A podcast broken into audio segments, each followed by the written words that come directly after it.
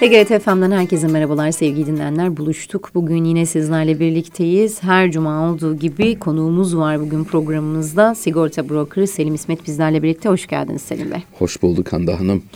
E, nasılsınız demeye artık tabii ki bugünlerde çekinir olduk. Çok da iyi günlerden geçmiyoruz. E, gündemimiz sabah kalkıyoruz, akşam yatıyoruz aynı şekilde. E, depremden konuşuyoruz, görüntüleri izliyoruz. Kurtarılanları izledik bugüne kadar. Ee, tabii ki umudumuz, kalbimiz, her şeyimiz onlarla birlikte orada. Ama biz de bugün sanırım konumuzu bunun etrafında çevireceğiz. Aslında biz yıllardır bununla ilgili bir sürü program yaptık. Doğru. Ee, evlerimizin deprem sigortası olmasıyla alakalı birçok kez ben bile sayısını unuttum konuştuk ama yine böyle acı günlerde konuşmak daha da zor hale geliyor sanki. Evet tam böyle yaşanmışlık ki böyle bir acı, böyle bir afet, böyle bir felaket üzerine e, tabii e, gerçekten e, insanın içi pek el vermiyor.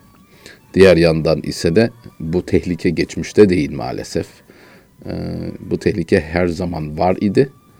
Yine var olmaya devam, devam edecek. edecek. Ne Daha zaman, da ensemizde nereye? hissediyoruz evet. tabii ki şu an artık. E, yani ne zaman nerede yani olacağı kesin de e, ölüm gibi düşününüz. Yani ölmek kesin ama ne zaman nerede bilen yok. E, deprem de onun gibi bizim için, Türkiye için diyelim. Bir gerçek, acı bir gerçek. Kaçamayacaksın. Bir yerlerde bir şekilde bir yerleri vuracak.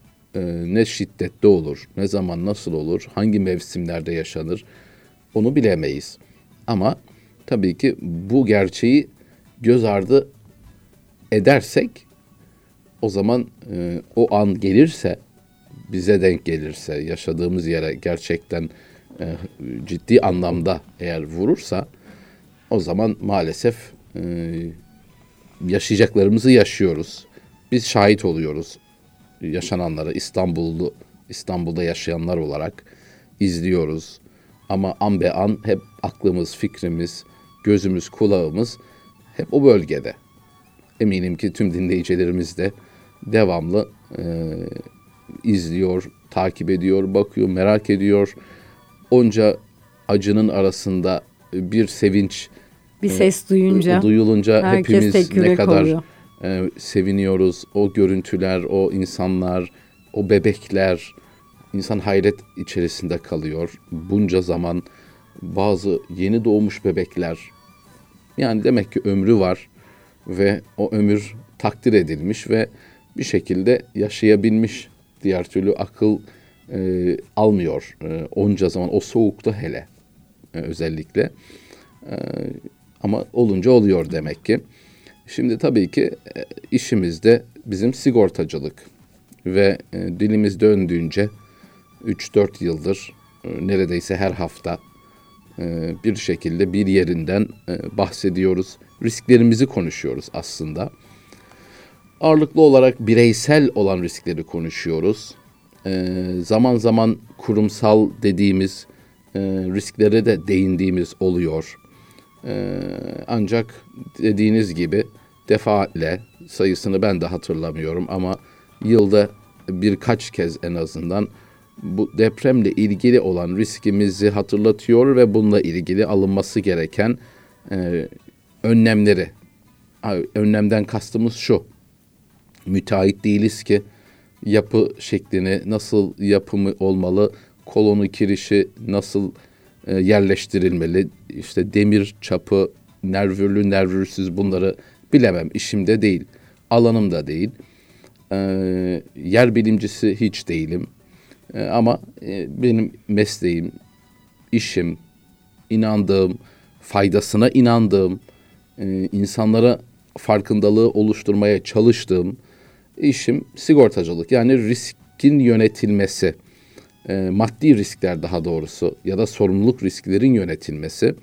E, yani bir has depremin olmasına mani olmaya kudretimiz zaten kimsenin yok.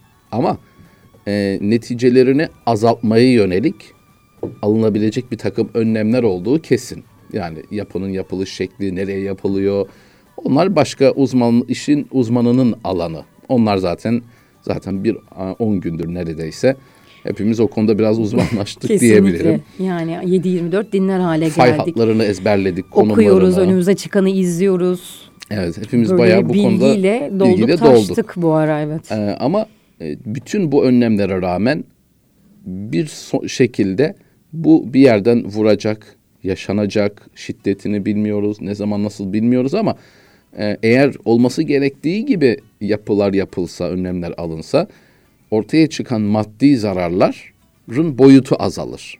E, e, tamamen belki yani. kaldırmak mümkün değil. Şimdi mesela bu son yaşadığımız ki bugünkü e, mevzumuzun başlığı da ona da e, tabii konumuzu anlatarak girdik.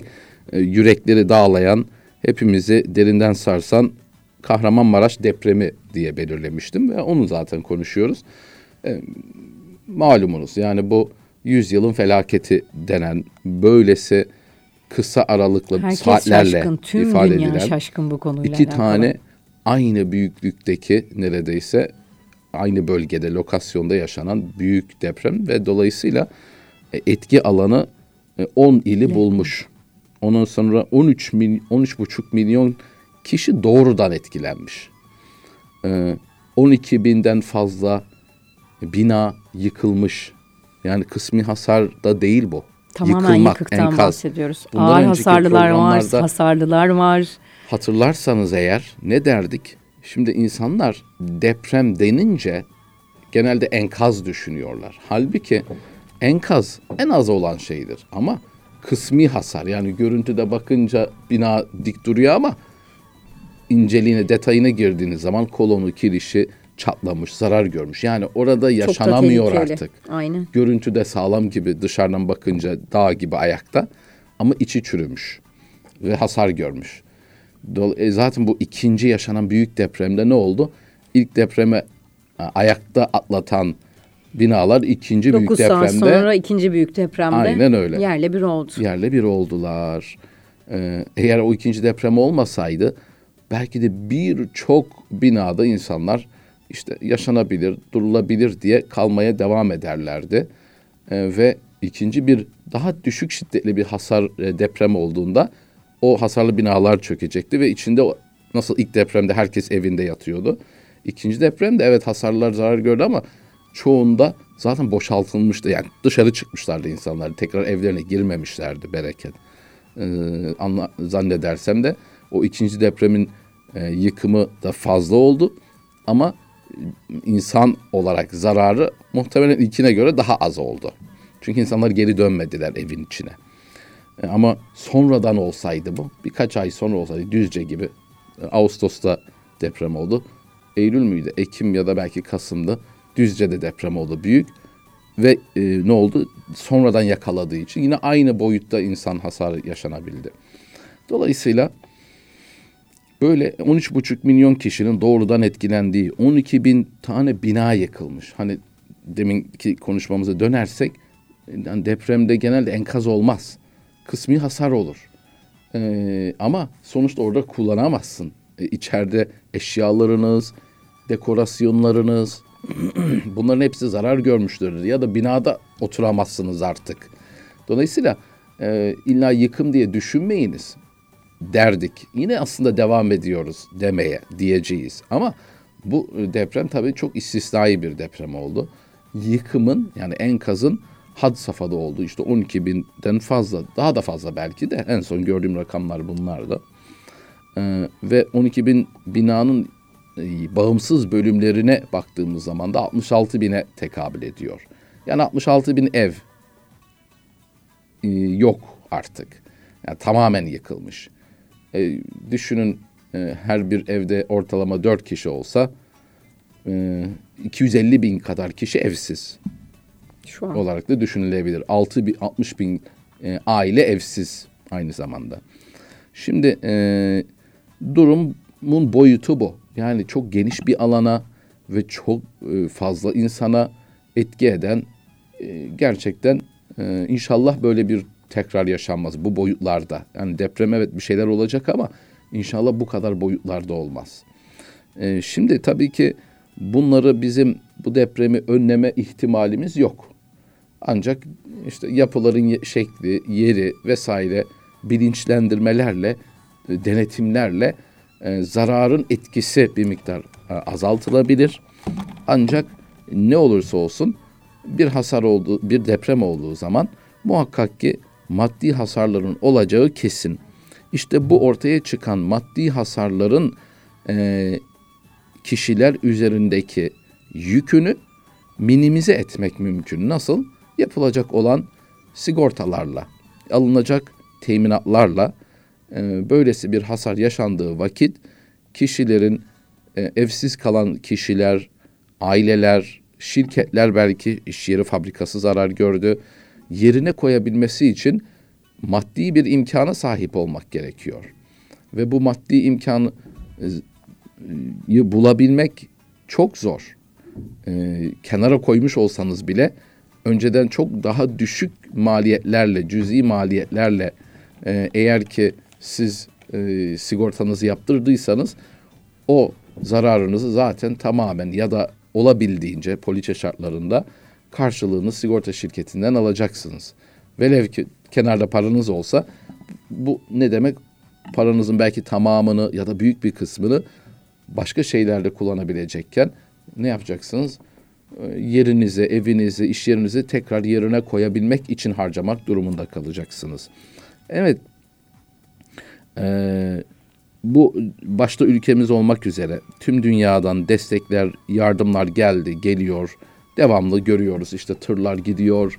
Yağıyor resmen Yağıyor o oraya ama yardım. yani ne kadar gitse tabii organizasyonu, koordinasyonu çok zor bir şey. Yani 13,5 milyon insan etkilenmiş. Ee, binlerce tır gitmiş, gitmeye de devam ediyor. Bunların koordinasyonu, e, dağılımı, e, ücra köşelere, e, Gitmesi, çok zor bir şey aslında yönetmek bunu. Kış şartları. Lojistik imkanlar evet. kısıtlı zaten. Yani insan e, şeyi kısıtlı. E, velhasıl ama gitmeye devam edecek. E, ihtiyaç da devam edecek. Şimdi deprem geçti. Enkazlar işte kaldırılacak. Bilmem neler bir şeyler olmaya başlayacak ama o insanlar e, yine oradalar. Yani geçici süreliğine civar illere ya da işte evini açan işte yurtlar, evler, oteller neyse gidenler bir süre sonra geri dönmek zorunda. Çünkü orada o ailede çalışan bir kişi vardı ya da kişiler vardı. Dolayısıyla yine çalışmaya devam etmesi lazım. İş lazım. E, o Maraş, bilhassa Antep olmak üzere bunlar sanayinin bilhassa Antep sanayinin göbeği. Orada istihdam var. Hayat Çarklar bir şekilde dönmesi lazım. devam edecek evet. belli bir müddet sonra. Hem onların çalışana ihtiyacı var. Kişilerin de çalışmaya ihtiyacı var. Ne yapacak? Yine dönecek oraya. Çünkü çalışması lazım ki geçinebilsin, geçindirebilsin. Hayatını devam ettirebilsin. Yani yardımlar evet devletimiz büyük yardımlar, destekler yapıyor ama e, yardım bu sonuçta. Senin alışa geldiğin hayat standardını e, yüzde kaçına ancak denk gelebilir ki? Dolayısıyla o açığı kapatmak gerekiyor. Çalışacak insanlar. E, hayat sonuçta devam ediyor. O halde e, bu yardımlar çok güzel ancak e, bu yaraları sarmak e, hemen bitmeyecek. Yani çabucak bitmeyecek. Bir İzmir depremi yaşanmıştı. Büyük hani bir buçuk sene kadar evvel. Evet etkisi fazla olmuştu ama yani bilmiyorum ama 10-15 tane bina yıkılmıştı mesela. Evet. Ee, yani e, şu an kıyaslanamayacak bir e, felaket var ortada. Evet. altyapıyı etkileyen bir durum olmadı. Burada resmen durdu, durdu. hayat neredeyse ama burada orayla birlikte tüm Türkiye'de tüm illerde her evet. şey durdu. Eğitim durdu. E şimdi baktığımız zaman sigorta kısmına evet maddi zararları yani manevi zararları yerine koymak mümkün değil. İmkanı yok. Ama bir de bunun üzerine şimdi ne diyoruz 66 bin bağımsız bölüm yıkılmış. Yani oturulamaz, kullanılamaz ya da kısmi de olsa zarar görmüş bağımsız bölümler yani evler diyelim hadi ona. Hani iş yerleri de giriyor buna ama genelde ziyade evler. Çünkü çok katlı oluyor. E, apartmanlar malumunuz. E, e, şimdi e, bunlar bir takım zararlar gördüler. E, ama baktığımız zaman da ilk günden hatta başlamak suretiyle belki tabii çok fazla adet olmamıştır ama sonuç itibariyle hemen hasar tespit çalışmaları başlatıldı. Zorunlu deprem sigortasını söylüyorum. DASK dediğimiz kısaca. E, hatta önümüzdeki hatta yakın önümüzdeki e, gelecekte belki de çok da yakın bir e, gelecekte o zorunlu deprem sigortası dediğimiz kısaca DASK dediğimiz zaten doğal afetler sigortaları kurumu, kurumu. diye geçiyor. Yani sadece deprem Aslında merkezi değil adı ama, doğal evet. afetlerle ilgili. E, dolayısıyla burada e, bu doğal afetler Türkiye'de neler yaşıyoruz biz e, en sık? Bir deprem zaten bilinen ama seller, sel yaşanıyor. E, dolayısıyla bu sel ile ilgili e, yaşanacak zararlarla ilgili kapsamı bunun içine dahil edilmesi e, çalışılıyor. Bunun gibi doğal olan e, ve ciddi hasarlara sebebiyet verebilen e, durumlara karşı bu zorunlu deprem sigortası dediğimiz DAS kısaca genişletilecek. Sadece deprem ile sınırlı kalmayacak. E, ama şu aşamada depremle ilgili sadece ve bu e, DAS kurumu ilk günden itibaren hasar tespit çalışmalarına başladı. Hatta ilk gün ödemelere bile başladılar. E, hızla bu konuda e, aksiyon alınmış durumda. E, tabii ki başvurular binlerce. E, onu tabii belirli bir sıralamaya alıyorlar, tespitleri yapıyorlar ve ödemeleri yapıyorlar. Ye, bununla ilgili olan havuz diyelim yani sonuçta zorunlu deprem sigortasından alınan paralar bir havuzda toplanıyor ve bu havuzdan ödemeler gerçekleşiyor. Tabii ki e, bu sigorta kurumu da e, kendisini de ayrıca da sigortalıyor. Yurt dışında reassurance dediğimiz reassurance'dan geliyor. Kendine tekrar sigortalama diyeyim özetle. E, velhasılı zorunlu deprem sigortası hemen devreye girdi. Giriyor. Evet, e, şu genel yanlış bilinen e, ama doğru olmayan e, yaygın kanaat şöyle evimin ederi örnek veriyorum 3 milyon TL yani rayici. Dolayısıyla bana 3 milyon TL öder. Ama böyle e, sistem bu şekilde işlemiyor. işlemiyor. Ma, e, yapının maliyet esası baz alınıyor. Metrekare maliyetleri mesela en son o e, geçtiğimiz cumartesi günü 11 Şubat cumartesi günü resmi gazetede yayınlanan Şehircilik Bakanlığı'nın her sene yaptığı ve bu 2023'teki yayınladığı en güncel e, işte yapı birim yaklaşık maliyetleri, yapı tarzı ve tipine göre e, yapı maliyetleri var. Asgari bunu baz almalısınız demek aslında. E, işte önceki en son Eylül ayındaki bildirilene göre yaklaşık yüzde 38 hani yüzde 40 diyelim bir artış var burada metrekare maliyet artışı. E şimdi e, buradaki hesaba göre maliyet hesaplaması yap, yapıyor. Yani sizin brüt metrekareniz neyse ona göre e, bir sigorta bedeli çıkıyor. Zaten zorunlu deprem sigortasında da o sigorta bedeli yazar. E, baktınız ki 5 milyon yazılı. E, özür diliyorum 500 bin lira yazılı hı örnek veriyorum. E, halbuki benim evimin ederi 5 milyon TL. Öyle değil. Yani yapı maliyeti üzerinden hesap ediliyor. Ve belirli muafiyetler işte kuastranslar var detaya girmeyeceğim. Ama bu ne demek? Diyelim 500 bin lira yazıyor. Yani siz en fazla tam zayi olsa eviniz yani bu arada o bölgedeki zorunlu deprem sigortalılık oranı yüzde 50 seviyelerinde 50-55 belki e, ar- aralığındaymış. E, yani yarısı demek ki yıkılan, zarar görenlerin yarısı e, bu zorunlu deprem sigortasından istifade edebilecek.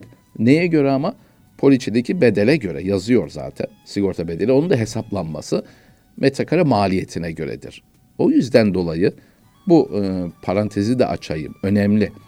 Şimdi zorunlu deprem sigortası genelde e, bir e, bürokratik bir işlem, bir kağıt yani işinizi halletmek için elektrik işinizi, ne bileyim su işinizi, doğalgaz veya tapuda herhangi bir işi yapabilmek için bunu istiyorlar. Ya da bankada evle ilgili bir işleminiz olacaksa bu zorunlu deprem sigortası diye bir şey varmış. Onu yapmamız lazımmış.